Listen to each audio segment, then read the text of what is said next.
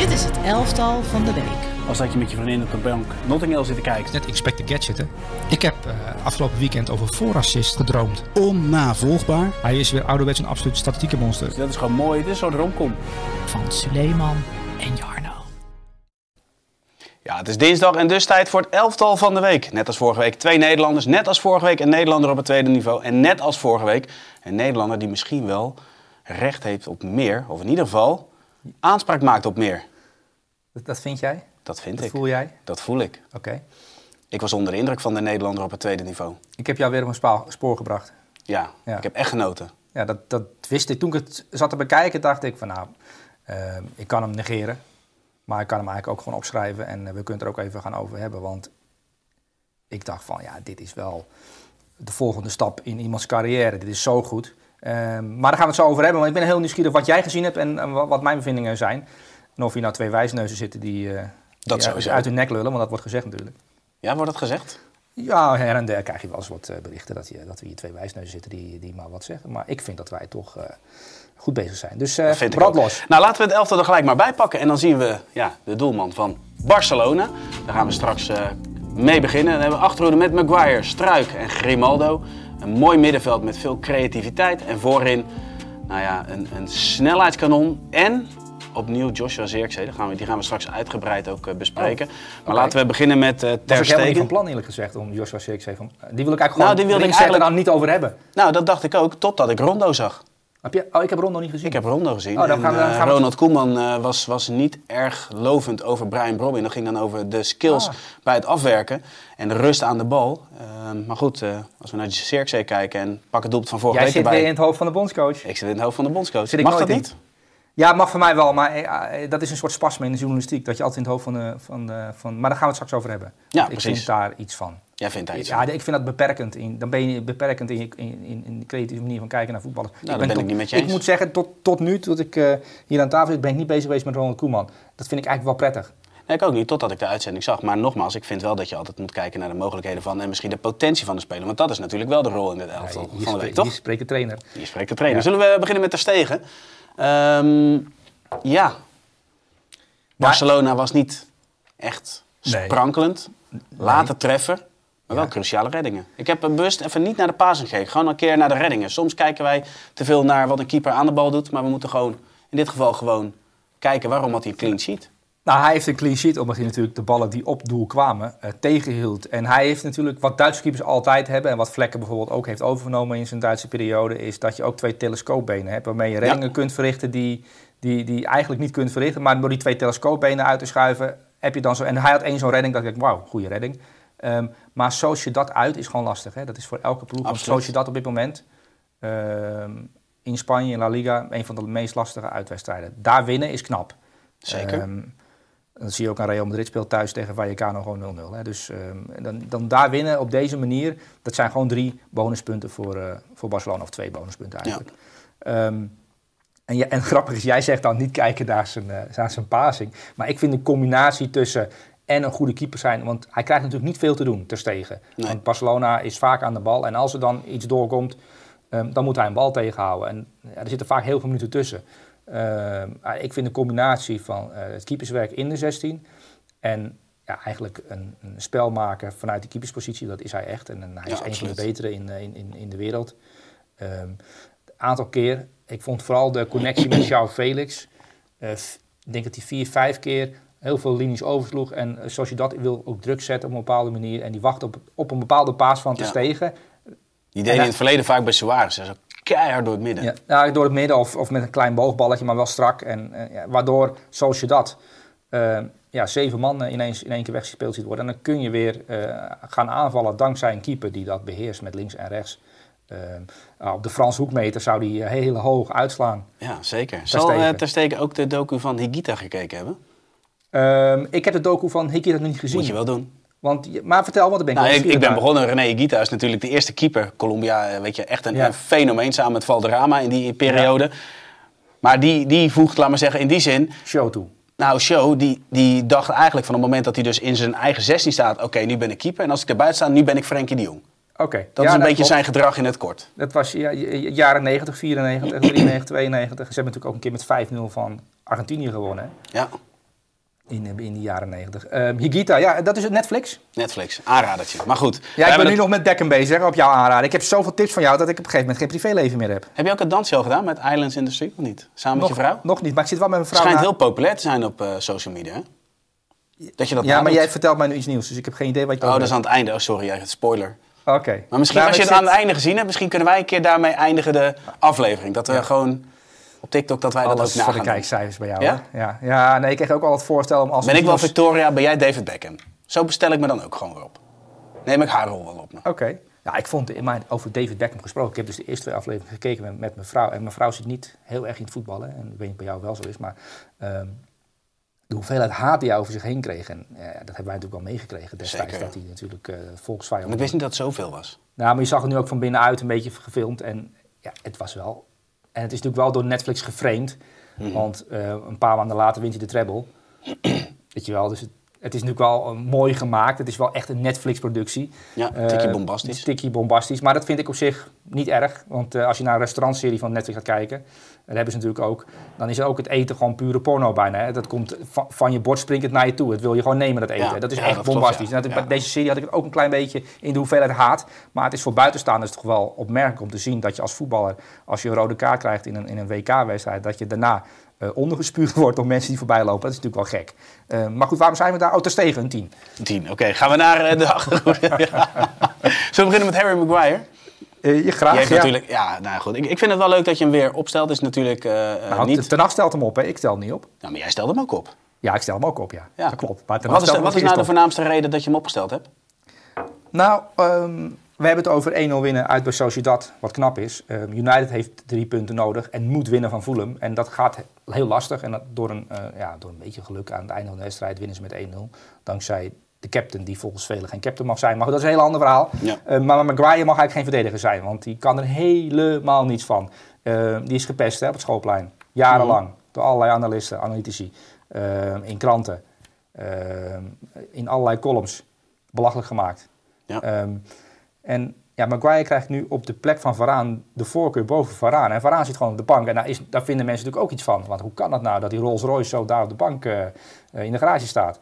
Ehm, maar Maguire, als je gaat kijken en, en puur gaat inzoomen op zijn spel. En natuurlijk kun je er drie momenten uitpakken dat je denkt, belachelijke keuze. Slechte paas. Ja, aan het begin kan. van de wedstrijd Kan. was dat al. Dat Ja. kan. Dat kan je eruit pikken. Zeker. Maar je kunt er ook vijf, zes, zeven momenten uitpikken dat hij eh, met een hele strakke bal dwars door het midden eh, vier, vijf man van Fulham uitspeelt. En dat United een aanval kan, eh, kan gaan Ja, beginnen. zo helft kun je elke week iedere speler beoordelen natuurlijk. Nou, maar bij, hij heeft kwaliteiten en dankzij zijn voetballende vermogen, want het mist United van achteruit. Ik vind dat United de afgelopen weken van achteruit ja, het veel te voorspelbaar is geweest, waardoor Mhm. tegenstanders zich daar makkelijk op kunnen instellen. En je ziet wel dat Magu- hij kiest heel bewust voor Maguire. Ten Hag hoeft niet voor Maguire te kiezen. Sterker nog, hij heeft hem aanvoerder afgemaakt, heeft hem op de bank gezet. En waarom speelt Maguire nu en Varane niet? Dat, dat vind ik een interessante vraag. En als je dat Rust aan de bal, denk ik dan. nou, en dat liet, hij zien. En daarom ehm, eh, kies ik hem. Hij was eh, cruciaal in de 16 bij een aantal ingrepen, eh, waardoor een goal van Fulham voorkomen werd. En aan de bal doet hij wat Ten Hag van hem vraagt. En Varaan kan dat niet, dat weten we allemaal. Nee. Nee, klopt. Maar die is wel weer dodelijker in de duels. Die is in En de het 1 moment dat tegen je- 1 duels met ruimte in zijn rug beter dan Harry Maguire, dat klopt. Ja. Oké, nou ik vind het interessant. Ik moet wel zeggen, later je hebt, je hebt gekeken, vind jij, vind jij deze keuze voor mij, denk je dat de keuze komt ook omdat ik denk, ik neem het op voor een pester? Of, of vind jij het eh, iemand Nee, die nee, ook nee. goed Je kijkt op dat heeft? moment naar de situatie van United. Je tegen een tegenstander die nou ja, heel compact speelt. Palania, hè? Zeker, maar dat, dat, maar dat maakt, het wel, maakt het wel lastig. Ik kan me alleen niet voorstellen als je straks tegen een tegenstander speelt die United gaat overlopen of in ieder geval eh, gaat domineren. Dan denk ik dat hij wel weer voor vooraan gaat kiezen. Jij niet?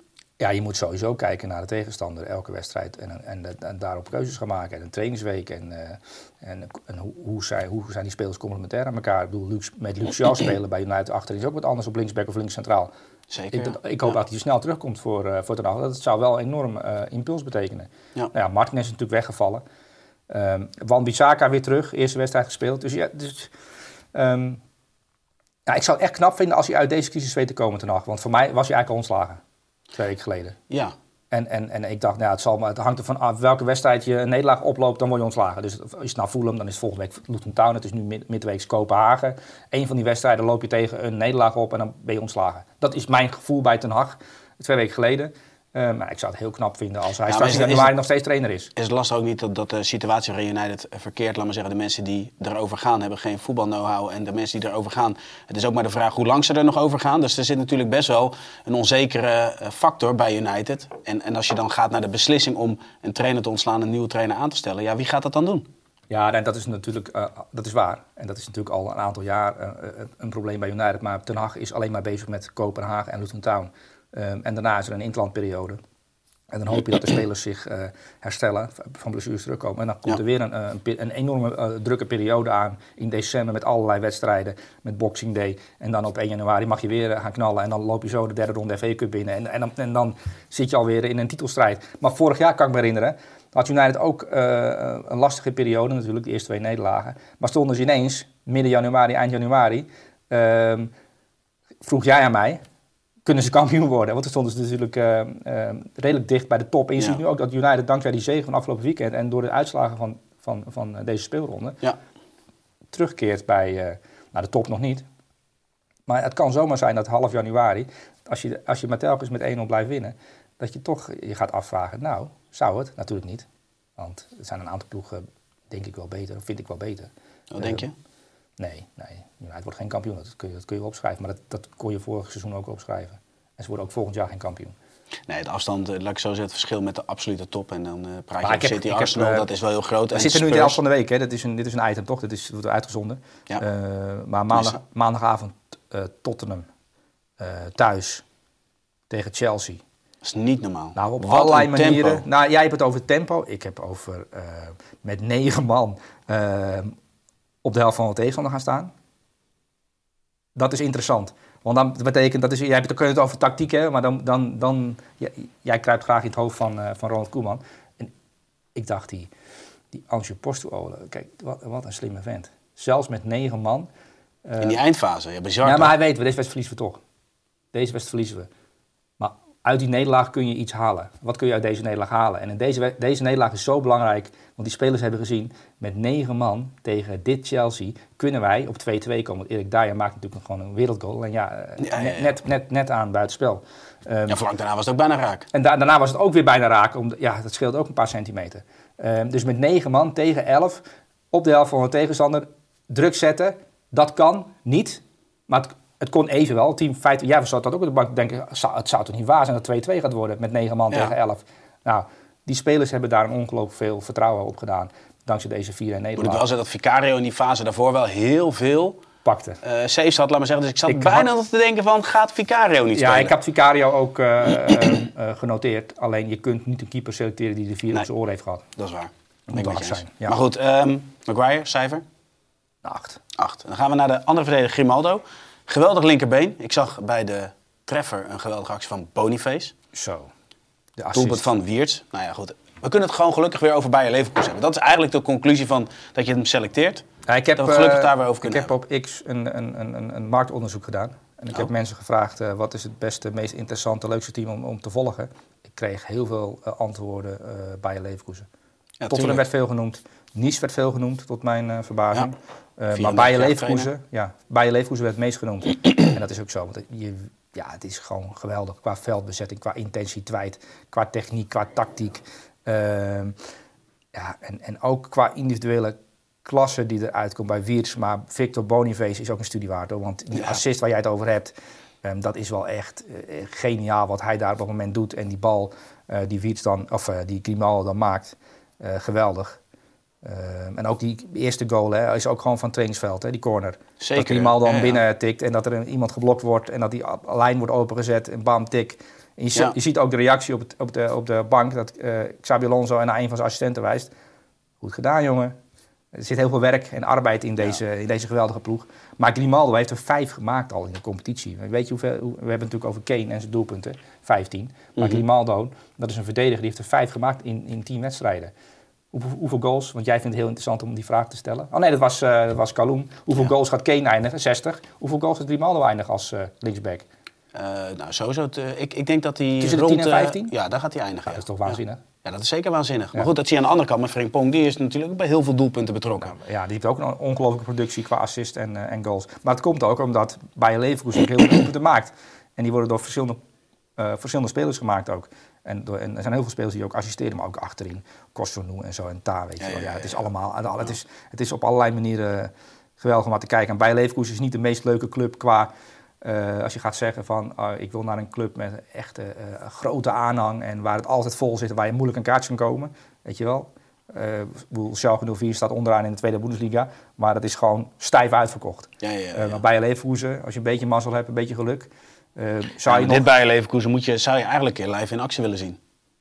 Ik ga dit jaar, ik ga nog dit jaar, dus dit kalenderjaar, ga ik nog naar uh, Bayer Leverkusen. Dat, wil, wil ik gewoon even gezien hebben. Nu ze aan, aan de kop staan, maar ik weet zeker dat ze in maart ook nog mee doen. Ehm, en dan wil ik een tweede keer eh, heen. Gewoon om even rustig ontspannen te kijken zonder een camera eh, Ja. op me. Nou, ik ben in ieder geval weer blij dat je weer een speler van Leverkusen hebt uitgekozen. En je had weer kunnen kiezen. Het had zomaar Wiertz kunnen zijn, maar je kiest voor Grimaldo. En wat voor cijfer levert dat dan op? Een 9,5. 9,5. Dan gaan we naar Pascal Struik. En dan gaan we de beelden erbij pakken. Oké, Want, Soelie, deze man leest wedstrijden als geen ander. In dit geval zie je dat ze bij Leicester hoog druk gaan zetten. En dat Summerville in dit geval lokt naar hun rechterkant, dus de linkerkant van Leicester. Dus, en hier zie je dus dat hij al doordekt. Als centrale verdediger dekt hij door. En wat ik eigenlijk wil laten zien is, iedere keer als hij doordekt of de situatie leest, heeft hij de vervolg, dus eigenlijk het verwerken van die actie, heeft hij al in zicht. Hier heeft hij al gezien, hey, in het midden staat iemand vrij, krijgt de bal, grote kans. Dus eigenlijk het lezen, maar vooral het verwerken daarna, dat vond ik het mooiste. Nou, daar hebben we nog wat voorbeelden van. Want als we hier eh, dit moment pakken, hij leest de situatie al dat hij aangespeeld wordt. En hij gaat wel op zo'n afstand staan dat hij in, wel aangespeeld gaat worden en hem dan verovert. Nou, hij verovert hem hier, brengt de bal weer terug in de as. Lopende spelers, er ontstaat weer een gevaarlijke situatie. Maar het feit dat hij die afstand zo houdt dat hij het duel dus moet spelen en kan veroveren, daar zit de kwaliteit. Hier weer, zet de hoog druk met eh, Leeds United. Dat gat daarachter is vrij groot. En als je dan hier kijkt, hier komt de vallende bal. Hij komt voor Vardy, zijn directe tegenstander. Hij laat hem gewoon met een simpel paasje onder druk. Laat hij vallen, bal eruit, nieuwe aanval voor Leeds United. En dit is tegen Leicester City. Dus de koploper in de Champions League die bijna alles gewonnen heeft. Kijk hier. Hij ziet de situatie. Hij weet wat er gaat gebeuren. Hij leest het dus. Nou, en in dit geval was een gevaarlijke situatie. Oké, bal over de achterlijn. Safe. Maar het feit dat hij steeds de situatie dus goed nou ja, kan lezen en vervolgens ook kan verwerken. Ja, ik vind dat wel heel mooi. En dat, dat is wel de centrale verdediger anno nu. Ja. ja, ik vond het Dus ook... ik was echt eh, onderin. En wat jij zegt terecht, dit is de koploper van de Championship. Dit is Leicester City. Hij staat tegen Vardy. Dus ik vind wel dat je dit op waarde kan oordelen van dit Ah. is gewoon een topwedstrijd. Ik vind sowieso gelul van... Ja, vorige week heb ik inderdaad wat mensen eh, gehad in, eh, in, ja, via... En Summerville was trouwens weer goed. Ja, in een DM die zeggen, ja, het is geen niveau, championship, het is, het is, het is een uh, kaboutercompetitie. Ja. Totaal gelul. Eh, die, die mensen kijken nooit voetbal. Ehm, als je deze wedstrijd gezien hebt, Leicester City, eh, Leeds United, dat had ook een Premier League wedstrijd kunnen zijn. Eh dat is intensiteit, er zit publiek omheen. Ehm, dat is gewoon hoog niveau, ook van Leicester City. Die hebben ook een hele interessante trainer trouwens. Eh, daar kunnen we misschien in de toekomst een keer over gaan hebben. Eh, die staat niet voor iets bovenaan. Dus uit de stal van Guardiola, die trainer. Ehm, assistent.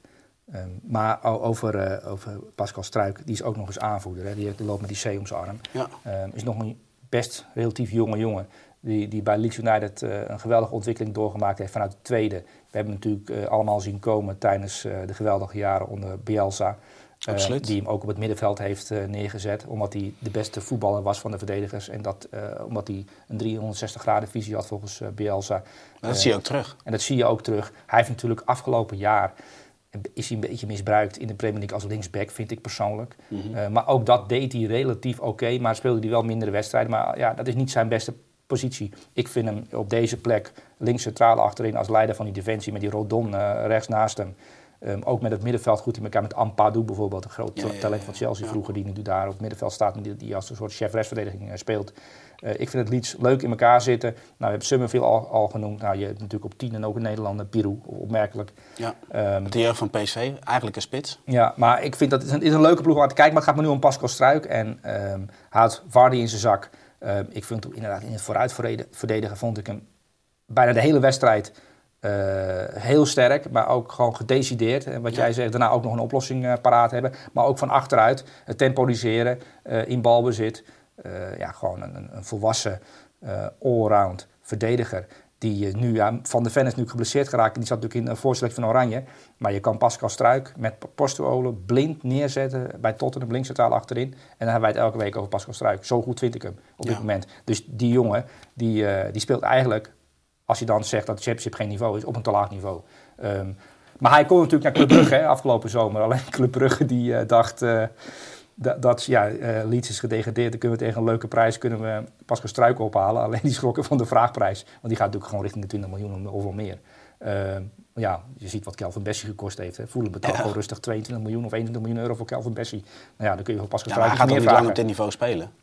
Uh, nee, het zal mij niet verbazen dat er in, in januari, want er, er komen natuurlijk clubs aan die problemen. Want het kan zomaar zijn dat Tottenham een probleem heeft in januari. Ja. En, en is geen man die, eh, eh, ja, die, die, die voor grote namen gaat, omdat het een grote naam is. Nee, die kijkt gewoon naar kwaliteit, want ze hebben ook Van der Ven gehaald bij Wolfsburg. Als hij eh, zegt, Struik is de beste optie. En, en, en ik ken ook de data toevallig. Eh, niet dat het belangrijk is, eh, maar daar kijken clubs natuurlijk wel naar. Als- Maar hij komt ook uh, datatechnisch gezien als beste uit de bus qua verdediging in, in de Championship. Is gewoon op dit moment de beste verdediger in de Championship. Dus daar gaan heel veel Premier League clubs naar kijken. En ik denk dat hij kan kiezen in januari. En het ga- gaat erom, wil hij Leeds trouw blijven en met die club promoveren en dan vertrekken? Of wil hij in januari de stap maken om eventueel nog in beeld te komen voor een EK?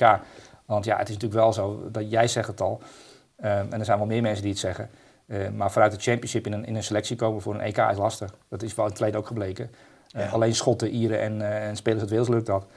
Ehm, Ja, toch denk ik van, je- ik, ik denk dat het niveau echt onderschat wordt. Zeker de top. Ja, nee, maar, wordt. ja, maar dat, daar gaat het verder niet om. Ik vind Pascal Struik individueel gezien, eh links centraal, gewoon geweldig. Gewoon, hij doet het echt goed. Ja, maar goed je bij zegt wel gelijk, het is wel links centraal. Ik bedoel, ik wilde eigenlijk de vraag aan jou stellen, zijn wij het niet langzaam het, het, het Frankrijk aan het worden? Heeft natuurlijk een periode gehad met echt Ja. tal van topverdedigers. Ja, dat is en dat hebben wij natuurlijk ook. Alleen nou komt het. Wie zet je rechts centraal? Daar, dat, is al, dat is al een hele andere situatie. Links centraal. Links centraal achterin heb je keuzes te over. Nou, we hebben natuurlijk twee kanonnen als rechtsback.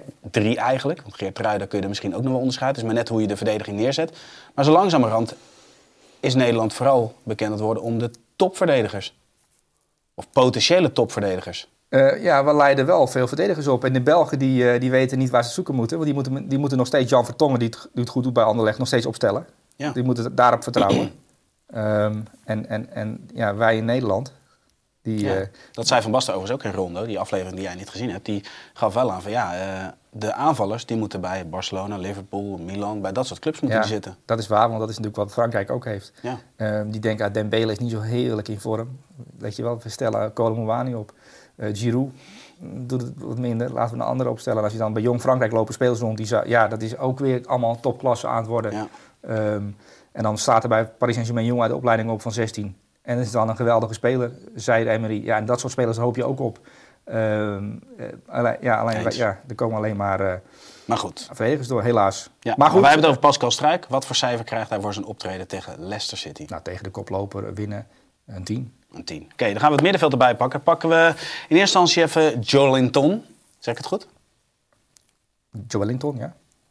ja. Powerhouse. Zo. Niet normaal. Ja. Als je dan ziet, eh, we we hebben het wel eens over rushes op het middenveld. In ieder geval dat, dat, je, dat je met een dribbel, laat maar zeggen, heel veel meters pakt. Ja.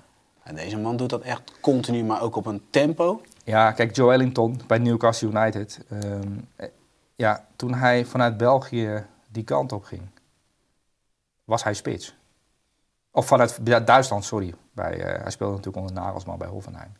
Ehm, Zo'n spits. Nee, maar eigenlijk scoorde nooit. En Hout daar denkt ook, ja, dit is, dit is wel een spits. Maar ja, echt scoren doet hij niet. Maar Nee. hij kan wel geweldig dribbelen. Eh, hij kan een bal vasthouden. Eh, hij kan ook nog eens eh, zonder bal meters maken. Dat zag je ook tegen Arsenal. Ja. die, die, waar de, de beste spelers van Arsenal, Martinelli, aan de zijkanten, probeert Arsenal ook al door te komen met driehoekjes. En dat lukte nu niet, omdat ja, dubbele dekking. En Joe Tim deed daar geweldig aan mee. Maar ik vond hem, ehm, de strijd die je moet leveren op St. James's Park, daar houden de mensen van. Maar dit is echt een Newcastle-speler. En eh, in de laatste minuut vroot hij ook een bal en ging compleet uit zijn dak juichen in blessuretijd. En eh, dat, was, ja, dat, dat hoorde wel bij zijn prestatie. Ik vond hem, eh, ik vond hem aan de bal geweldig. Geen balverlies leiden bijna. En zonder bal. ja, frustrerend voor Arsenal dat hij elke keer net dat teentje ertussen kreeg. Ehm, en ja, kracht, techniek, dribbel, passingvermogen. Maar hij kan ook als zes spelen. Ik heb hem ook wedstrijd als 16 spelen bij eh, Newcastle United. Ja, terwijl ik denk dat 8 wel zijn beste positie is. Hè? 18 in ieder geval ietsje, ietsje Ja, aanvallender. iets, iedereen- ja hij, moet, eh, hij moet de meest aanvallende middenvelder zijn met verdedigende opdrachten. Dat hij van, Ja. van voor naar achteren werkt eigenlijk. Precies, en dan is hij geweldig. En dat, eh, dat heeft Eddie Howe goed gezien. Want zo'n Joelinton, dat is wel echt een uh, ja, klassenspeler voor dit Newcastle. Ben ik met je eens. Een 9. Een 9. Daarover gesproken, hè, als je, nou, als je nou een nummer 10 hebt die heel goed terugsluit. Ja, dan moet je gelijk aan Isco denken. ja vind je? Dan moet je gelijk aan Isco denken. Ja. Ik heb een moment, Soelie. Ja. Dan denk ik, ja, dit is Isco te voet uit. Oké. Let op. Isco, vanuit die pijl, daar gaat hij al druk zetten. En hij jaagt op een gegeven moment door op de keeper. Doet hij op de hoogste intensiteit. Kennen we natuurlijk, dat deed hij bij Real Madrid ook altijd. Vervolgens gaat die bal eroverheen. Hij denkt, nou, laat ik terugsluiten. Dus echt weer op de hoogste intensiteit. Dus die bal die komt op het middenveld. Die wordt teruggelegd. Hier zie je hem nog steeds die sprint maken. Dus moet je nagaan, hij komt vanuit die 16. En let op, in het volgende moment verovert Isco de bal. En krijgen we weer gelijk een gevaarlijke situatie met Betis. Ja. Ik denk, dit is, zo kennen wij Isco. Nee, zo kennen we natuurlijk helemaal niet. nee, maar Isco, eh, jij, lacht, jij, maakt er, jij haalt er nu iets uit wat niet bij Isco hoort. Ehm, maar ook na deze actie gaat het publiek in eh Via Marin compleet uit zijn dak. Want Isco is omarmd hè, vanaf speelronde 1. Ja, ja. En hij kreeg weer een eh, applauswissel, want ja, de trainer is slim. En Isco voelt zich daar zo lekker. Die komt daar een stadion binnen en al die mensen die zijn helemaal idolaat en wild van hem. Bij elke corner Mhm. gaan de mensen uit hun dak. Eh, als hij naar die cornervlak komt lopen. En ja, dat voelt natuurlijk wel lekker. Zeker. Eh, je eigen huiskamer binnenkomen en iedereen is fan van jou. Ja, maar dat je dan zo'n transformatie doormaakt, dat is wat andere uiterste. Ja, het is wel opmerkelijk, want kijk, we hebben het natuurlijk over, over topvoetbal en La Liga en over Girona en, en, en ondertussen Isco bij Betis. Eh, hij werd weer man of the match en dan zie je die statistieken voorbij komen. Acht keer man of the match geweest eh, dit seizoen. Maar er zijn natuurlijk niet zoveel wedstrijden gespeeld. 12 wedstrijden? In 12. Acht keer man of the match in 12 La Liga wedstrijden. Dus acht van de 12 wedstrijden was hij de beste man op het veld. Ehm, terwijl hij daarvoor maandenlang niet heeft gevoetbald en eh, tegen een depressie aan heeft gezeten of in een depressie heeft gezeten. Want hij dacht, ja, wat is er met mij aan de hand? Eh, die, die hele saga met Union Berlin, waar hij wel niet, hij was helemaal naar Berlijn gevlogen. En, eh, en toen kreeg hij al- allerlei andere voorwaarden natuurlijk in zijn contract. En dacht, ja, hier ga ik niet aan beginnen. Dus hij voelde zich als voetballer in zijn hand gezet. En natuurlijk met trainers te maken gekregen die allemaal, ja, wat jij er net uitgepikt hebt, daar beginnen ze over. Ja, zonder bal hebben we niks aan. Isco speelt met 10 man. Dat is een beetje de, de, de, de samenvatting. Zeker. En ehm, nu is er een trainer die zegt, ik wil jou hebben. En je mag hier voor een miljoen euro, want dat verdient hij ongeveer, eh, spelen. En ja, dat gaat natuurlijk verhaal dat hij ook bij Ajax is aangeboden en zo. Hè. Ehm, maar het gaat erom dat je eerst Isco als mens, en dat heb ik al vaker gezegd, ehm, benadert en hem gewoon serieus neemt. En niet direct begint over wat hij niet, allemaal niet kan. Ehm, en ja, Isco is natuurlijk een fabelachtige voetballer. Dat zie je ook in die eerste 10 minuten van deze wedstrijd. Wil die, en het lukt hem soms wel en soms niet, wil je een bal die, die 50 meter lang wordt getrapt uit de lucht plukken. Ehm, dat lukt net niet, want die bal stuit net verkeerd van zijn voeten af. Maar het feit dat hij het probeert, vinden de mensen in het stadion prachtig. Ja, Ja, maar dat zijn ook de momenten die we dan kennen. Dat je Ja. denkt van, hé, nou gaat er iets moois komen. Want er is natuurlijk wel Het is een weergaloze speler absoluut. de vrijheid heeft eigenlijk een ouderwetse nummer 10. Ja, die overal over- rondloopt. Dus soms is, staat hij op 6, soms staat hij op 8, soms staat hij op 10, soms staat hij aan de linkerkant, soms aan de rechterkant, waar de aanvalsopbouw is. Hij is altijd aanspeelbaar. Heerlijk voor de Betty-spelers. Ook voor eh, de rechtsback bijvoorbeeld van dit elftal, Ja. eh, die bij Arsenal gespeeld heeft, Bejerin. Bejerin. Ehm, die dan eh, denkt, hé, hey, Isco staat vrij. Laat hem maar spelen. Is wel handig. Ehm, ja.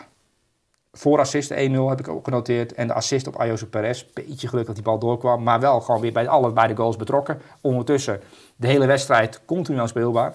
Ehm, ja, gewoon een weergeloos optreden. En dan kun je alleen maar voor applaudisseren. En dan kun je alleen maar een 10 geven. Maar wat vind, je, match. wat vind je van het feit dat ik dan dat moment er een keer uitpik? Want ik denk wel dat het... Ja, dat betekent dat jij in jouw hoofd iets misgaat. Maar dat maakt verder niet uit. Dat jij dit moment eruit pikt, vind ik prachtig. Eh, dat betekent dat jij een trainer bent.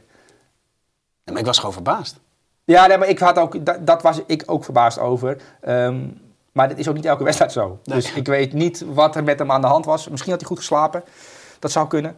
Ja. Dat hij extra energie over had. Of dat hij zich gewoon... Want het is ook bij dit soort spelers zo. ehm, hij zit in een heerlijke fase. Hij voelt zich serieus genomen. Want je hebt ook voetballers...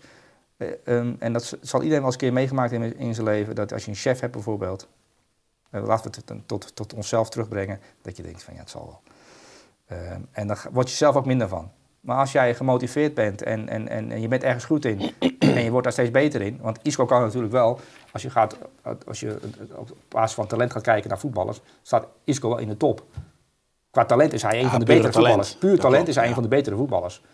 En dat talent wordt nu aangesproken en dan gaat hij ook nog eens bij werken. Ja, dan wordt het ineens een hele goede voetballer. Ja. Want deze Isco, denk ik dat, uh, dat die ook zou denken, ja, die zou ik wel willen hebben. Ja, deze wel, ja. Ja, deze Isco wil iedereen Ja. hebben. Maar wat, wat, wat eh, krijgt deze Isco dan voor cijfer van jou? Ja, een 10. Een 10. Nou, is echt grandioos, hè? Ja. Ja. Zullen we het over een volgende nummer 10 hebben? Over Ganzo? Nee, zullen we het eerst hebben over Ja. ja. de finale. We hebben hem allebei gezien. Sowieso, eh, prachtfinale, mooi sfeer. Ja. Pieter, ik, ik moest even terug in de tijd. Dat we met Pieter die ging op tactiekbord uitleggen hoe eh nou ja, Fluminense, hoe ze dus opbouwen. En op een gegeven moment was er dus een moment van, we, we hebben het wel eens over zoveel man op de helft van de tegenstander. Waar Ja. waar je het net ook over had. Ja. Zij hebben zoveel man op een flank. Op een gegeven moment was er een aanval op links. Ja. En dat is zo vreemd om te zien dat je dus Fluminense tegen Boca Juniors. En op een gegeven moment zie je gewoon acht spelers Fluminense gewoon echt in die linkerstrook staan. En dan zie je daar een verdwaalde speler staan, daar een verdwaalde speler staan. Maar dat alles zo in balbezit, hè. Ja. Aan die kant staat er zo, nou ja, echt, nou ja, het is echt gewoon een flank overladen bijna of zo. Ja.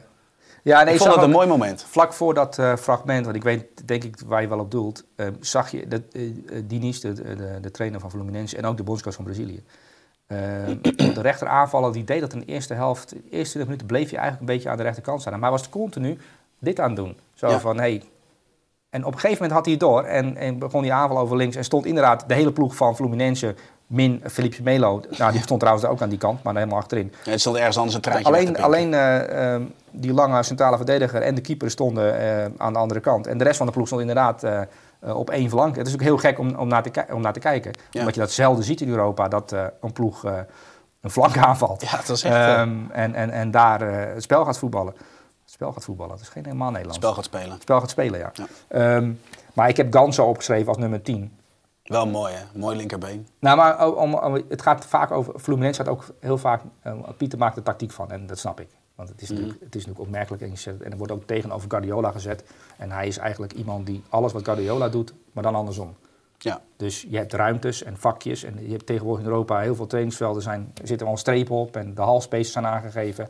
En, eh, Ja, die, zo- die hebben ook allemaal nummers, hè? en, dan, ja, de ja. zone 14 is vlak voor, eh, vlak voor de 16 en daar maakt Messi de meeste goals. Dat is zone 14.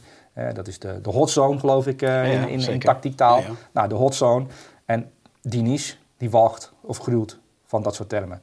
Ehm, nou, die, die ziet voetbal op een andere manier. En die, er zijn geen vakjes en er zijn geen spelers die zich moeten houden aan richtlijnen.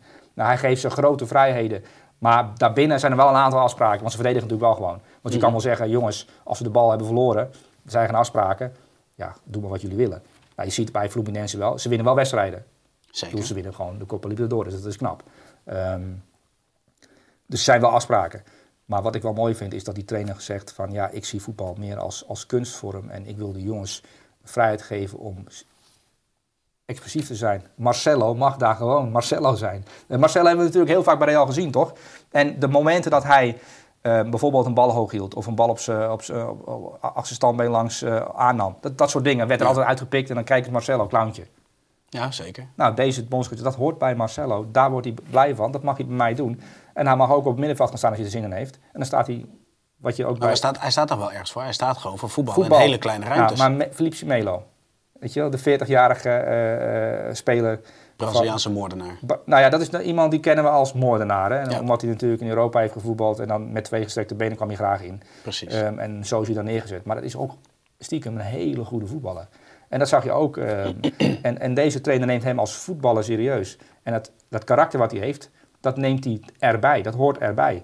Ehm, en dat vind ik gewoon geweldig om te zien dat daar eh, echt de Braziliaanse ploeg aan het werk is. Dit is echt een Nee, je zegt Braziliaanse dus ploeg. eigenlijk dat hij de karakters de karakters laat. En Ja. niet karakters gaat vormen En, of, eh, of da- en daarom aanpassen. heb ik Ganso opgeschreven. Want dat was niet de beste speler op het veld. Want je hebt daar een jonge jongen lopen, André. Mhm. twee- 22 jaar geloof ik. En dat was, dat was rug nummer 7. Die speelde ook op middenveld. Dat is eigenlijk de spelmaker van eh Fluminense. Eigenlijk Ja. stiekem wel de beste speler. Kan zo mee in Europa bij elke ploeg. Eh, niet de top, maar onder Sevilla zit er meer een gewoon goede speler. Ehm, maar Ganso. Ehm, kun jij je herinneren dat, eh, dat Santos 2010 eh, dat daar een Neymar doorbrak? Dat Ja, was die, zeker. dat Ja, daar zag je heel veel van die, van die, die van haarband. van. die haarband. En dat was dan de, de, de eerste YouTube-sensatie. En, en iedereen kende hem van YouTube. Precies. Ehm, en die kwam natuurlijk daarna bij Barcelona terecht. Ehm, maar in dat elftal speelde ook Ganso. En die was eigenlijk beter, vond ik. Want ik keek heel graag naar Ganso in de nachten daar. Weet je, de Copa Libertadores. En hij Mhm. Ja. speelde natuurlijk ook de Wereldbeker. Jij hebt de hele nachten doorgebracht met Ganso, toch? Met Ganso, ja. Ik heb de hele Ja. nacht doorgebracht met Ganso. Ehm, dat is een crush van mij. Ja, dat Ehm, geeft niks. PH Ganso. Ehm, een van de beste vrienden van, eh, van Neymar trouwens, nog steeds. Ja. Bepaald karakter heb je daarvoor nodig om een beste vriend van Neymar te Dat zijn. denk ik ook, ja. Ja, Ik dus, geloof niet dat ik in zijn vriendenkring eh, nou, zou komen. PH Ganso, denk ik, in een volgend leven is een, een, schil- schil- een, een schilder. Iemand die kunstwerken Wel een, maakt. ja, ik wou net zeggen, wel een kunstschilder, geen huisschilder. Nee, een kunstschilder. Nee, hij, maar hij maakt niet eh, de, hoe heet je het, de voorkant van je huis schildert. Nee, de kozijnen gaat hij niet schuren Het is geen kozijnenschilder. Nee, dit, is een, Ja. dit is een kunstschilder. Ja, ja. Eh, maar eh, Ganso heeft natuurlijk in Europa gespeeld. En Sampaoli heeft hem denk ik naar Sevilla gehaald. Alleen Sampaoli is ook een gek. Dus ja, er werd, er werd op een gegeven moment werd die Ganso helemaal gek van Sampaoli. Ik denk, ja, maar wat een idioot. Dat werkte niet. Nee. En ik ben de carrière van, eh, van Ganso eens gaan bekijken. Weet jij bij welke Franse club hij heeft gespeeld? Dat was ik helemaal kwijt. Nee. Am, Amiens. Ganso, deze, wereld, deze wereldspeler, weet je wel, die, die qua talent is echt wa- waanzinnig. Wat hij kon met- vroeger voor al die operaties. Hè, want hij heeft veel operaties, eh, Ja. knieproblemen gehad. Eh, maar in 2010 moet je de beelden maar terugkijken, mensen die het niet, niet gezien hebben. Je had Neymar, die dribbelde iedereen voorbij. En je had Ganso, waarvan Neymar zei, jullie hebben Zidane gehad. Wij hebben nu deze Ganso, dat is gewoon een Zidane, maar dan eh, tien, tien klassen beter. Zo goed wa- was hij destijds. Ehm, en wat ik dan wel mooi vind, is dat Diniz, die 34-jarige Ganso, de sleutel van zijn elftal geeft. En zegt, jongen, maakt niet uit wat je doet. Maar als jij de bal krijgt, doe er iets leuks mee. En dat je dat dan ook gewoon ziet. En dat doet hij ook in zijn passing. Mooie Ja, passing. Geweldig toch? Ja. Ik moet wel zeggen, ook, een, 34 eh, jaar gewoon even de Copa Libertadores winnen. ook even een compliment voor David Tent. Want? Nou, ik vind, Oh, ja, ja, ik tuurlijk. vind serieus, als je nou hebt over liefhebbers. Ja, liefde voor, voor Ja, het spel. echt, echt Ja. liefde voor het spel. Gewoon echt een, een, nou ja, gewoon echt, ja, ik kan niet anders zeggen. Gewoon Ja. echt een pure liefhebber.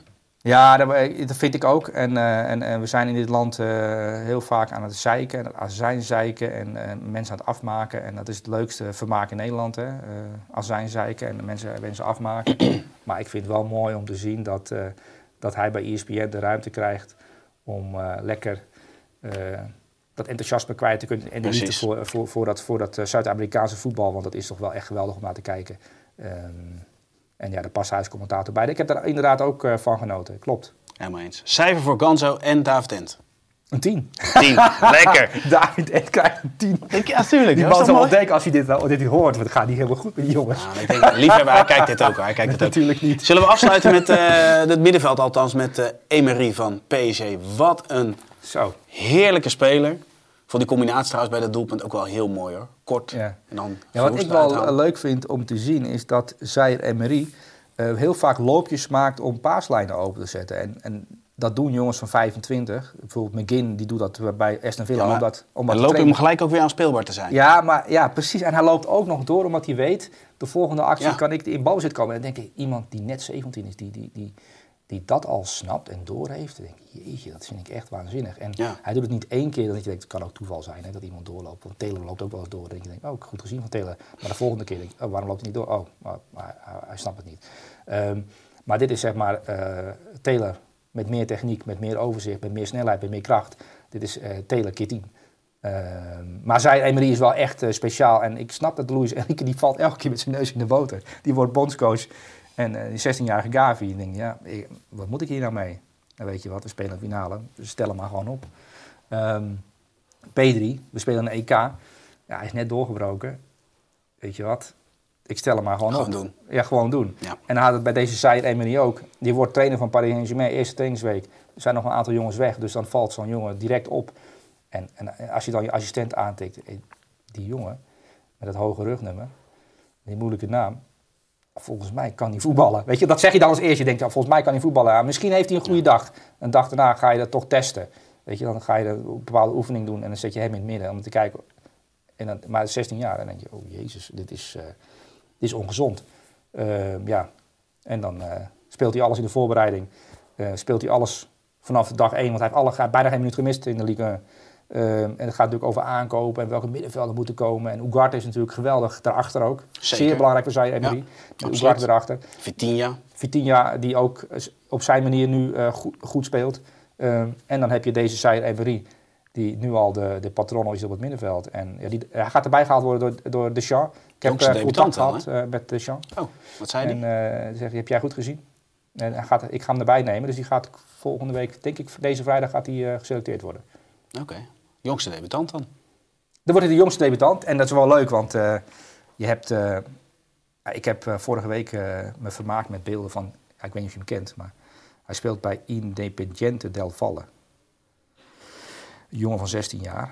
Kendry Paes. En die is door Chelsea vastgelegd voor over twee jaar. En dat is het grootste talent van Zuid-Amerika. En die ben ik eens gaan bekijken. Ik dacht, oh, goh, wat, wat heeft Chelsea eigenlijk vastgelegd? En, en ja, ik wist gewoon niet wat ik zag. Ik dacht, jeetje, mina, dit is... Dit is eh, je, hebt, je hebt Bellingham, je hebt Zaire Emery, maar die Paes, dat is wel eh, next level. Dat, dit, ja, dat heb ik echt zelden. Ik had het bij Mbappé een keer.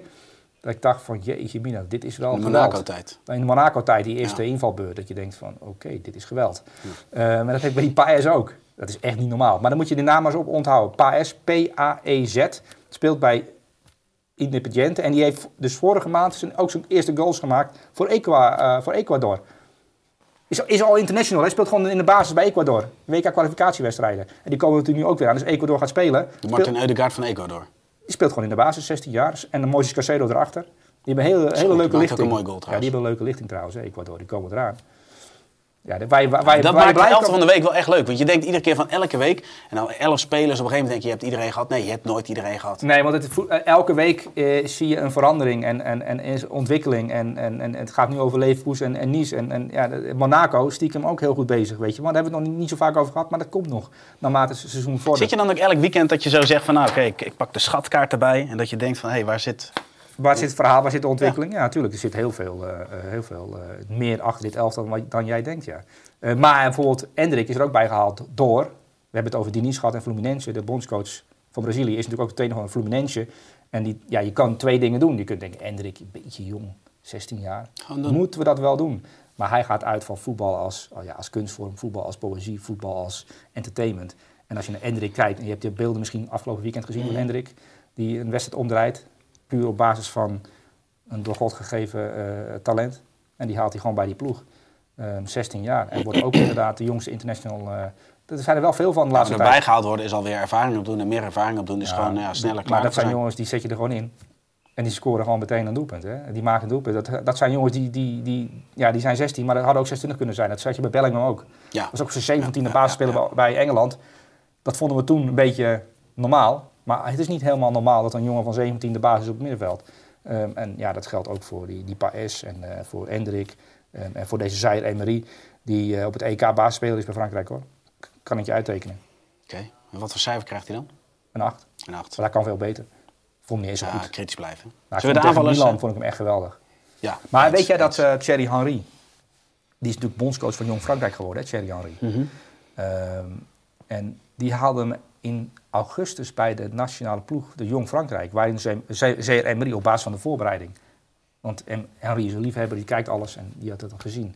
En die dacht, weet je wat, ik heb allemaal jongens van 19, 20 jaar en Zaire Emery is 16. Ik maak hem gewoon aanvoerder. Kijken wat er gebeurt. Dus die, die jongen had die aanvoerdersband, debuteert voor Jong Frankrijk. Beste man op het veld. Zet alle ploeggenoten goed neer. En ja, sindsdien dacht Thierry Henry, ja, ik, kan, ik moet Deschamps eigenlijk inlichten. Dit is niet normaal. Dit is gewoon veel te goed voor Jong Frankrijk. Was de jongste speler in de ploeg, hè? Bij- met allemaal grote talenten. Want Jong Frankrijk, daar staan nog gewoon jongens in het veld die bij allerlei clubs in Europa gewoon de grote, de, gro- de grote baas zijn. En dan komt die jongen 16 jaar, praat niet, zegt Jawel, maar jij noemt net leeftijd en noemt allemaal leiderskwaliteit. En uiteindelijk wordt hiërarchie bepaald gewoon eigenlijk Talent. uiteindelijk op talent en kwaliteit. en op het moment ja. dat hij in die eerste wedstrijd alles stuurt en dat die bal echt, want dat, dat zijn dat soort spelers, die krijgen de bal gewoon automatisch. Die, ja, die zuigen die bal bijna naar zich toe. En dan, Je ziet dat Mbappé bijvoorbeeld slaat het nooit over. Want die weet, als ik hem geef, komt hij op een gegeven moment toch op, op een goede manier weer terug. Ja. Want hij speelt hem dan naar Hakimi of, eh, of hij speelt hem eh, naar een ander en dan komt hij bij mij weer terug. Want ja, het is wel zien dat Paris Saint-Germain, dat is ook een elftal. Eh, die hebben natuurlijk wat punten laten liggen in het begin van het seizoen. En daar gaat niet zoveel over. Maar Paris Saint-Germain is nu een veel lastiger te bespelen ploeg dan de afgelopen jaren met Neymar en, eh, en Messi. ja, maar dat is heel simpel omdat er gewoon balans is. Ja. En Ja, er is ook maar een duidelijke hiërarchie in het elftal. Dat, dat wordt vaak vergeten. En dan wordt er maar Paris Saint-Germain is wel een ploeg om rekening mee te houden, denk ik. eh, eh, Precies. In het, in het voorjaar, als de prijzen worden verdeeld. Daar ben ik het helemaal mee eens. Dan gaan we nu naar de aanvallers. We beginnen even met Harry Kane. Harry Kane, drie doelpunten, valse negen. Eh, vorige week een mooie treffer trouwens. Hè? Maar als valse negen zie je nu ook echt wel weer van... Hij maakt het team gewoon echt sterker. En wat ik dan wel leuk vind, is dat je dan... Je, je, in eerste instantie heb je de focus alleen op Kane. Ja. En we hebben de analyse van Sam Planting misschien wel gelezen. Is dat waarin eigenlijk back to basic is, gaan ze eigenlijk gewoon terug naar de tekentafel. En het eigenlijk heel simpel heeft gedaan. Linkspoot op links, rechtspoot op rechts. Lage voorzet, intikken. Eigenlijk volgens Sam Planting is het gewoon een heel eenvoudig concept. En ja, moet Kane het alleen, hoeft hij alleen maar af te maken. Heb je de, analyse gelezen? Ja, ik, ik, heb het, ik heb het gelezen. Ja, eh, eh, het is een heel simpel con- concept, maar wel ingewikkeld opgeschreven, moet ik zeggen. Ehm, maar ehm, ja, klopt. En wij kennen Sam, die gebruikt over het algemeen nog veel ingewikkelder woorden. Ja, nee, maar Sam is top. Want in het, in het hoofd van Sam is het druk, denk ik. En eh, als Sam over voetbal gaat praten, dan, dan, ben je, dan ben je zo vertrokken voor anderhalf uur. Al- Ja, over- en niet, en niet alleen wij, hè. Wij hebben die, die bruiloft is nog steeds op het netvlies. Ja. Er was een, een bruiloft, Ja, zeggen. Wij waren met de redactie van Voetbal International, maar er was toch wel één man die het voor elkaar kreeg om alle vrouwen aan zijn lippen te laten kluisteren. Je hebt Nou, het nu over Planting. zandplanting? Dat klopt, ja. Je, ehm, Dat is gewoon zo. Maar ik weet niet of ik hier kan- uitweiden. Nee, maar je laat het ook bij. Maar, en het ging over voetbal, hè? ik laat het bij. Dat Ja. maakt het nog mysterieuzer. Ja. Nee, maar, maar, maar Sam is een, die heeft een uitdagende persoonlijkheid in, in, in, in, het, in, het, in, het, in het gesprek. Laat ik het zo zeggen. Ja. Dus hij kan, eh, dus als hij, ja, als je het over voetbal hebt en je begint ineens over de Noorse Tweede Divisie met iemand die, die, die eigenlijk rustig gewoon aan het rondkijken is hoe, hoe, eh, hoe iemand aan het trouwen is. Ja, dat vind ik nogal iemand uitdagen. Eh, maar dat heeft hij op meerdere vlakken. Want ik Ja. kan me herinneren, en, en Pieter kwam met Sam aanlopen. Pieter Zwart heb ik het erover. Ja, ja. Sam, heb je planting, heb je nogal een duo dat aankomt lopen. Zeker. Er komt heel veel voetbal know-how dan binnen Ja, lopen. Ehm, Daar moet je ook klaar voor zijn, hoor, voor dat duo. daar moet je klaar voor zijn, maar daar waren wij eh, uiteraard niet klaar voor. Want we stonden heel ontspannen gewoon eh, met ons drankje in onze Ja. hand eh, Ja, ja, ja. te kijken naar, naar mensen die bi- binnenkwamen druppelen en allemaal Klopt. vrienden van. Ja. Weet je wel. Ehm, en ja, ik kan me herinneren dat Sam was er nog geen minuut en hij had het al over, over de, de ap- apocalyps. en ik dacht, goh, waar zijn we in godsnaam weer beland? Weet je wel? Ja, ja. Ehm, ehm, dus ja, dat vond ik, eh, ja, dat, heb- dat kan ik me nog wel herinneren. Ja. Dus dat, dat vond ik inderdaad top. Maar waarom hebben we het hier eigenlijk over? Omdat hij een geweldige analyse was. Oh, analyse, Zijn analyses zijn echt top, serieus. Ja, zeker. Echt een zeker feest om te lezen. Zeker weten. Als Daar moet je ook VE Pro voor hebben. Eh, ja, dan kun je op VPRO inderdaad 100%. lezen. En, en, en inderdaad, na, na, na Dortmund Bayern eh, stond daar inderdaad een geweldige analyse. En dat is wel leuk, omdat hij toch op een andere manier naar voetbal kijkt dan, Ja. dan, ja, dan Wesley Sneijder zou ik willen zeggen. Ja, dat Eh, eh, klopt ja. helemaal. Zullen we Kane een cijfer geven en dan naar de laatste twee aanvallers gaan? Harry Kane een 10. Harry Kane een 10. Dat 15 goals alweer, hè? Ongelooflijk. pak- gaat tussen de 50 en 60 eindigen, heb ik iemand te horen zeggen in VE Uncensored. Ja, dat, is, dat, is, dat is een idioot. Dat is een idioot. Ja. Maar goed, het zou zomaar kunnen. Ehm Joshua Zirkzee tegen Lazio. Er zijn eh, momenten, hij heeft natuurlijk die, die assist. Heb jij de beelden? Nee, ik heb niet de beelden erbij Oh. gepakt, want dat hebben we vorige keer al uitgebreid gedaan. Maar ik vond die assist, het feit dat Orsolini stond eigenlijk al klaar om hem te ontvangen. En volgens mij had iedereen van Lazio ook het idee dat hij die kant had. Hij kreeg de bal terug, want hij speelt als spits die uitzakt. Hij krijgt de bal terug. Je zou denken dat hij rechts opent op Orsolini. Maar zonder dat hij een moment kijkt naar de linkerzone, speelt hij hem zo mee. Doelpunt. 1-0 overwinning Bologna op Lazio. Ja, dat, Maar de inbreng van hem is echt groot. Ja, en dat merk je ook wel. ehm, de, de manier waarop hij de assist vierde. Je zag wel dat hij echt blij was. En eh, er zijn in deze wedstrijd, eh, ook nu weer, zou ik, als ik een lullige analist, een lullige analyticus ben, zou ik bijvoorbeeld eh, er vijf, zes momenten van balverlies uit kunnen pikken. En dat zijn momenten waarin ik vind dat hij wel sterker en beter moet worden. Ehm, maar je ziet wel dat hij in aanleg, in, in wat hij is, en daar moet je vooral naar kijken wat hij is. Want je kunt hem wel benoemen als Mhm. hij is geen Haaland. Weet je wel? Ja, maar je moet de situatie ook meenemen. Lazio drukt Ja, Bologna terug. toch, ja. ja. Dus de ruimtes voor Zirkzee worden groot, waarbij hij eigenlijk geïsoleerd staat en alleen staat. Toch krijgt hij regelmatig de bal, houdt hij hem vast. Kunnen ze doorvoetballen? En is hij degene die uiteindelijk het rustpunt van het elftal is, maar ook in staat is om het elftal weer verder te laten voetballen en tot kansen te laten komen. Ja, ik weet niet, ik, ken- ik ken niet alle klassementen uit mijn hoofd in, de- in de Italiaanse media. Want ja, ik heb meer te doen dan, dan bijhouden van klassementen in de Italiaanse media. Maar hij krijgt bijna wekelijks in de cassette aan 7 of hoger.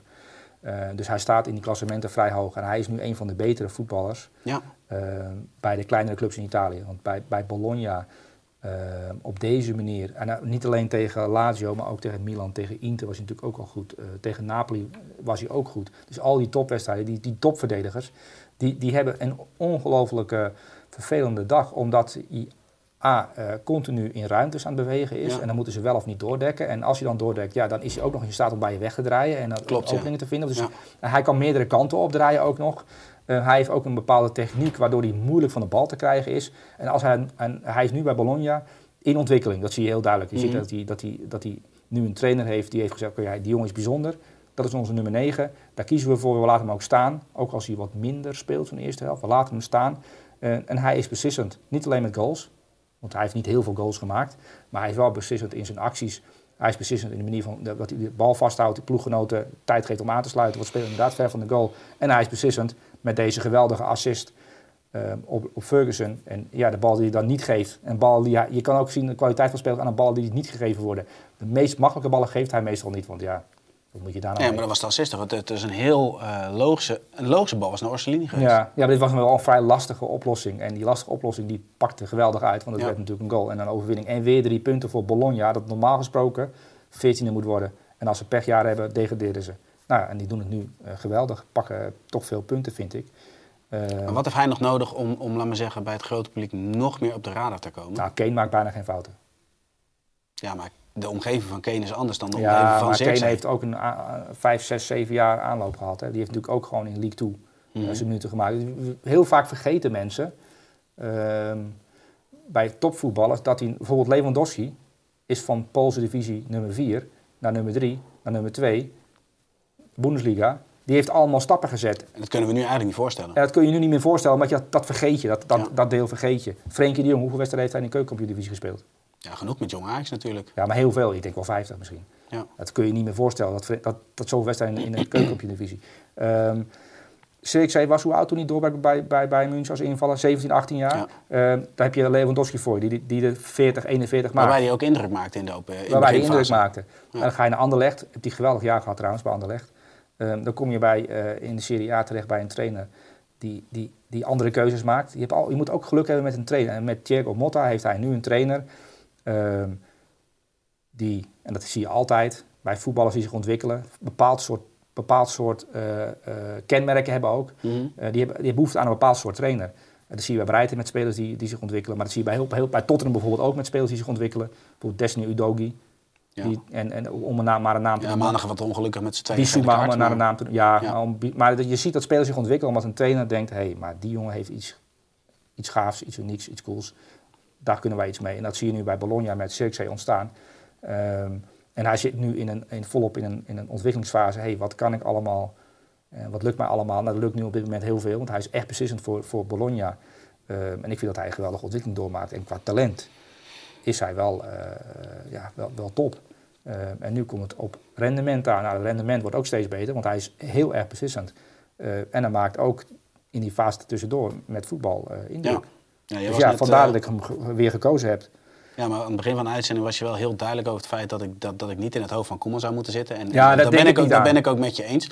Alleen toch ben je wel benieuwd als je dan goede momenten van de speler ziet. Van ja, oké, wat, wat, wat zou dat, laat maar zeggen, wat, wat zou hij brengen op een iets hoger niveau? Wat zou hij brengen op een, in een andere competitie? Wat zou hij gebracht hebben bij de, een van de Nederlandse topclubs? Maar, Maar- wat zou hij nu brengen bij het Nederlands elftal? Ik ben er gewoon nieuwsgierig naar. Ja, ik snap, jou, ik snap jouw nieuwsgierigheid en die nieuwsgierigheid zullen heel veel mensen hebben. Maar ik, ik denk dat hij helemaal, daar helemaal geen, eh, geen boodschap aan moet hebben. Hij moet zich gewoon nu ontwikkelen bij Bologna en pas aan Oranje denken als hij de stap naar de top heeft gemaakt en daar die spits is geworden. nu, nu, nu klink je als iemand die, die eh, alleen maar denkt van oké, eh, alleen in zijn ontwikkeling. Maar je bent ook een liefhebber, toch? Ja. Jij bent toch ook nieuwsgierig wat hij daar zou laten zien? Nee, ben ik echt totaal niet nieuwsgierig naar wat hij in Oranje doet.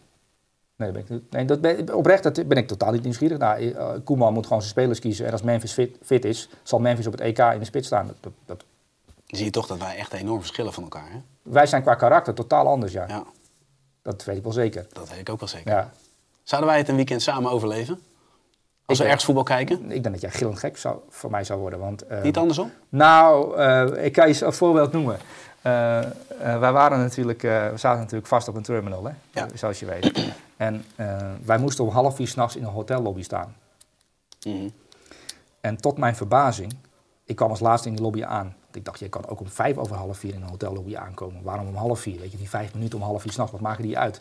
Maar ik kom die lift uit en iedereen die om half vier in de hotellobby klaar moest staan, waaronder, als jij mee was geweest, stond jij er waarschijnlijk om kwart over drie al. Ehm, qua karakter, denk ik. Ehm, iedereen stond er al, Inclusief Matthijs Vechter. inclusief Matthijs Vechter, die ook zenuwachtig wordt als de klok, eh, in, in, in- de klok eh, in het spel is. Ik heb graag de controle. Jij hebt dat niet, hè? Jij vindt dat prima allemaal. Ja, maar laat ik- dingen op zijn beloop, of niet? Nou, nee, nee, nee. Klaas is helemaal niet om beloofd, maar vijf vijf, half vier is ook prima.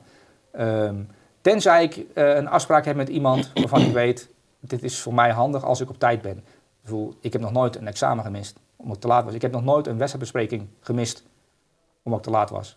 Ik heb nog nooit een afspraak met jou gemist op dinsdagochtend om tien uur. Nee, dat klopt. Je Dus, bent dus, altijd dus- vijf over dus tien. ik ben altijd een 5 over 10. Ja. Want dan weet ik, dan zit jij klaar en ben jij ontspannen en heb jij je huiswerk gemaakt. En dan Ja. kom ik aanlopen. En dan, in- wat, wat mij eh, dan, eh, maar dit is, gaat helemaal niet over het elftal.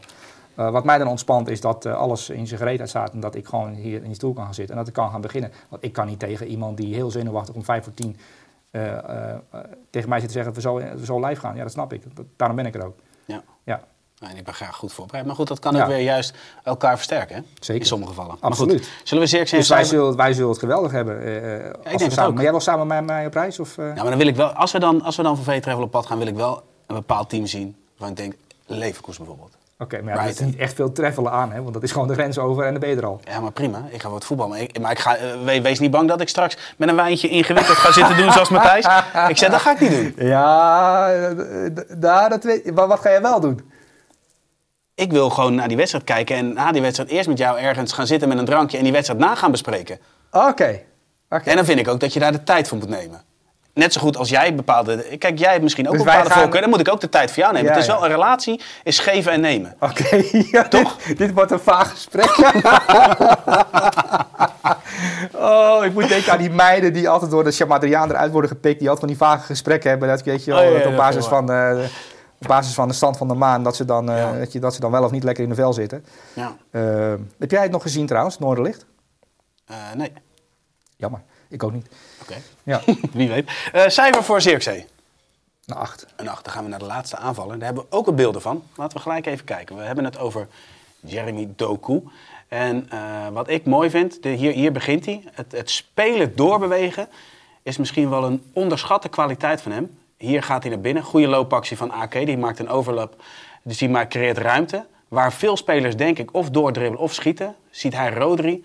Spelen doorbewegen. Dan is hij zo snel. En zo snel dus ook weer bij die bal. Nou, vervolgens komt die bal dus in de zone die hier omcirkeld staat. En krijgen we een doelpunt. Ehm, om, om maar even te benadrukken van hij is natuurlijk supersnel, geweldige actie. Maar het spelen doorbewegen vind ik echt een kwaliteit. En als je dan de situatie waar je als back nooit in terecht wil komen met Jeremy Doku, is dit moment. Dit is, dit is de grootste nachtmerrie voor een rechtsback, want je bent gewoon volkomen kansloos. Maar als je ziet hoe divers hij is, normaal gesproken één op één, kansloos doelpunt of hij gaat er langs. Hier ziet hij veel Foden in de as, speelt hem in en vervolgens komt daar een doelpunt uit. Ik vind, eh, hij kan veel meer dan alleen dribbelen. Echt veel meer. Ja, dat klopt. Dat eh, wilde ik even gezegd hebben. Ja, dat is... is, eh, Bij deze. Nee, nee, maar dit, dit, dit klopt. Maar het is natuurlijk een hele jonge gozer nog. Het is, hij is 21 jaar. En, en, en naar City gaan. Dat heb je aan alle spelers kunnen zien naar City gaan. het is niet altijd zo dat ze er dan direct staan. Bijvoorbeeld, eh, denk maar aan, aan Silva, Bernardo. Of denk maar aan Riyad Mahrez, die natuurlijk ook goed kan dribbelen. Mhm. Maar Doku is wel een speciaal, een speciaal geval. Hè. Dat Absoluut. is natuurlijk wel een jongen die... ehm, waarvan je altijd, als je, die, ja, als je naar ook vorig seizoen, maar ook bij Anderlecht, is het, kijk, jeetje mina, dit, dit is wel echt speciaal, dat dribbelen van hem. Ehm, maar het is altijd, ja, geen rendement, ja. Weet je wel, dat was vaak het, het, het, het, het eh, ja, probleem, wil ik niet zeggen, maar wat Vinicius Junior ook een tijdje had. Klopt. Ehm, dat je denkt van, jeetje, hij is, dat is wel echt een gave om zo makkelijk kunnen passeren, linksom, rechtsom, snelheid, vanuit stilstand exploderen. eh, dat soort zaken. En dat zie je in deze wedstrijd komt alles in één keer tot uiting. Want alles wat hij nooit heeft laten zien, laat hij nu in één keer zien. Weet je, Ja. een soort van festival. En dat resulteert in een doelpunt via assist. Ja, dat is natuurlijk een, een, ja, een aantal wat heel bijzonder is. Ja. Ehm, en ja, nu komt het erop aan, ga- als hij dit elke week gaat laten zien, dan heb je het over gouden balmateriaal natuurlijk. En dan gaat hij natuurlijk het ni- niveau van eh, Vinicius eh, halen. En het is wel lekker voor, voor City, eh, die natuurlijk nu gewoon aan kop staan omdat Tottenham eh, heeft verloren. Eh, en, en die hebben de treble gewonnen. Eh, City is natuurlijk saai. En iedereen die ik, die ik spreek over City, ja, vind ik saai om naar te kijken. En dat snap ik, want ja, die spelen de bal rond en die spelen, doen, dat, doen dat zo goed, maken bijna geen fouten. En als er geen fouten worden gemaakt, is voetbal saai, hè? Mhm. Ehm, ehm, Ja, ik heb, dat, ik heb dat niet, want ik kijk nee, maar jij hebt het niet, maar, maar ik, ik denk Ik kan me dat wel Ik denk voorstellen. dat ik voor heel veel kijkers spreek Ja. en dat kunnen mensen onder de video laten weten of ze die saai vinden, ja of nee. Ehm, maar dat had je ook in, dat, in die tiki-taka-periode met eh, Spanje. dat er heel veel mensen afhaakten op, op het voetbal van Spanje, omdat het zo akelig, griezelig Ja, maar dat begreep was. ik dan weer wel, want er kwamen geen kansen uit voort. Tenminste, weinig kansen Nou, met het hoeveel balbezit. Europees kampioen, wereldkampioen, Ja, Europees kampioen, geen ik. kansen. Nee, ja, maar dat was toch feitelijk zo? Ze hadden niet heel veel kansen nodig. Ja, nee, maar Het was dat, controle, weinig kansen winnen. Ja, maar dat is bij City natuurlijk eigenlijk ook zo. Want Haaland, de beste spits ter wereld en waarvan heel veel vinden gouden bal. Mhm. Maar wat laat die jongen zien in een wedstrijd? Niets, maar dat is juist een kwaliteit. Dat hij er niet is en dat hij dan, eh, Ja. als, als Bernardo Silva doorkomt en die bal geeft, dat hij er staat. Dat is zijn kwaliteit. Precies. Niet echt spectaculair. Eh, Mbappé is spectaculairder, bijvoorbeeld. Nee, maar goed, we hebben het eh, vorig jaar regelmatig gehad over het feit hoeveel balcontacten hij heeft en hoeveel doelpunten maakt hij. Ja. En en, en waar, waar sommige spitsen naar de bal, we hebben het net over Zirkzee gehad, naar de bal juist meebeweegt, beweegt hij juist van de bal af. Dat is een duidelijke opdracht. Maar uiteindelijk gaat het erom, in die eindfase is er niemand beter. Ja, nee, maar ik, ik snap dat jij dat... ja, dat, dat is goed. Maar het is natuurlijk wel saai om naar te kijken. Iemand die nooit aan de bal komt en toch drie goals maakt. Bedoel, acht balcontacten in de eerste helft drie goals is natuurlijk super saai. Ja, ik vind het fascinerend. Maar ik snap, ik snap wat je zegt. Dat de grote groep zal het misschien saai vinden. zou goed kunnen. En eh, Ja. Maar is Doku is dus nu, en, en, en, en dat hoorde ik denk ik dat Pep Guardiola dat ook bedoelde. We hebben nu een speler, en, en hij zei dat in een tussenzin, en ik denk dat hij, dat wel, dat hij daarop doelde. Van, ja, hij snapt zelf ook wel dat, ja, dat, dat City dat elke wedstrijd wint en dat elke wedstrijd 70% balbezit heeft en die bal laat ontspelen. Maar ze hebben nu iets, voor Doku zet je, zet je een tv aan. Wat je denkt, ja, ik wil, dat vind je gewoon leuk. Je, een voetballiefhebber, een liefhebber vindt het leuk om iemand te zien eh, die een bal aanneemt, op iemand afdribbelt, er voorbij gaat. Dat wil je zien. ja. Of een geweldige paas geeft, of een, eh, technisch heel goed is. Maar je gaat niet naar voetbal zitten kijken om, om, om iemand de paaslijnen te zien onderbreken. Daar heb ik nog nooit over gehoord. Nee? Nee, ik heb nog nooit iemand bij me zien eh, komen en die zegt, hey, jeetje, want ik heb zo genoten. Ik heb de hele middag eh, Ik geweldig... zou toch wat leven." vaker wat gaan drinken met Sam Planting. Ja, ja, Dat denk ik wel hoor. ja, ja, die staat Ja. op tafel. Ja, die staat op tafel bij verdediging. Maar jij trouwens ook. Jij hebt echt een verdedigende middenveldersfetish. Toch? Ik vind nou, een verdedigende middenvelder vet is die aanvallend denkt. Oké, Dat. oké. Ik was vroeger echt zo'n enorme fan van Redondo. Ja, ja, ja. Vond ik echt een mooi speler, maar goed, nou wijk wel. Eh, Cijfer voor Doku. Ik was fan van Da- David Ginola. Oh, in zijn nou. speurstijd? Als linker. Ja, als spe- in zijn speurstijd, ja. Ik heb trouwens, eh, toen we, we hebben op een gegeven moment toch eh visitekaartjes gehad. Moest je toch, eh, Ja. had ik Sola. Die vond ik ook goed. Match of the Day, Sola van in de Chelsea-tijd. Eh, We hebben op een gegeven moment toch, eh, wat is dat, jaren terug, kregen visitekaartjes van Voetbal International. Moest je naar voetbal, had je een soort panini-plaatje. Ja, daar ben ik overgeslagen, denk ik, want die heb ik nooit Wie zou je gehad. gekozen hebben dan? Ik vind jou zo'n Socrates-type of zo. Nou, ik heb toevallig gisteren een interview gelezen, een oud interview met Socrates. Ehm, om- omdat ik het bezig ben met eh Fluminense en Brazilië en, de, en die trainer. Ja. Eh, en eh, de, de voetbalvisie van Socrates die is wel fascinerend inderdaad. Maar ik denk dat nu mensen echt denken van eh, Socrates, heb je het over die Griekse, heb je het over die Griek, maar ik heb het over de Braziliaan hè, met de haarband. Zeker, zeker het, met de haarband. Ja, maar dat mogen mensen gaan opzoeken. Kun je, gewoon, ja, kun je het gewoon op YouTube terugzoeken? Gewoon op YouTube terugzoeken. Die Thomas die zit nu in die regiekamer, die moet pissen. En die denkt, waar gaat dit over? Af, afsluiten. Gaat het- we hebben het over David Ent gehad. Liefhebbers. We zijn liefhebbers. Zullen we afsluiten, grote vriend? Ja, ja, Socrates Ja? een 10. Socrates 10. Sorry, dankjewel. En jongens, jullie bedankt voor het kijken. Laat in de comments weten wat je van het elftal van deze week vond. En dan zijn we volgende week... Oh, trouwens, nee, we zijn volgende week niet terug. Want jij gaat op vakantie. Ik ga met mijn schoonmoeder naar een sauna. Wauw. Nou, laat even weten wat je van dit verhaal vindt. Nou ja, en, ja, geen idee hoe ik het moet afsluiten. Jongens, bedankt voor het kijken en tot Maar ik, de heb, ik volgende. heb haar beloofd om beelden te gaan maken vanuit de sauna. Dus eh, wie weet kan ik ze gaan delen. Oh, dit gaat helemaal fout. Jongens, bedankt voor het kijken en tot de volgende. Doei! Dit is het elftal van de week. Als dat je met je vriendin op de bank Notting Hill zit te kijken. Net Inspector Gadget, hè. Ik heb eh, afgelopen weekend over voorassist gedroomd. Onnavolgbaar. Hij is weer ouderwets een absoluut statistieke monster. Dat is gewoon mooi. Dit is zo'n romcom. Van Suleiman en Jarno.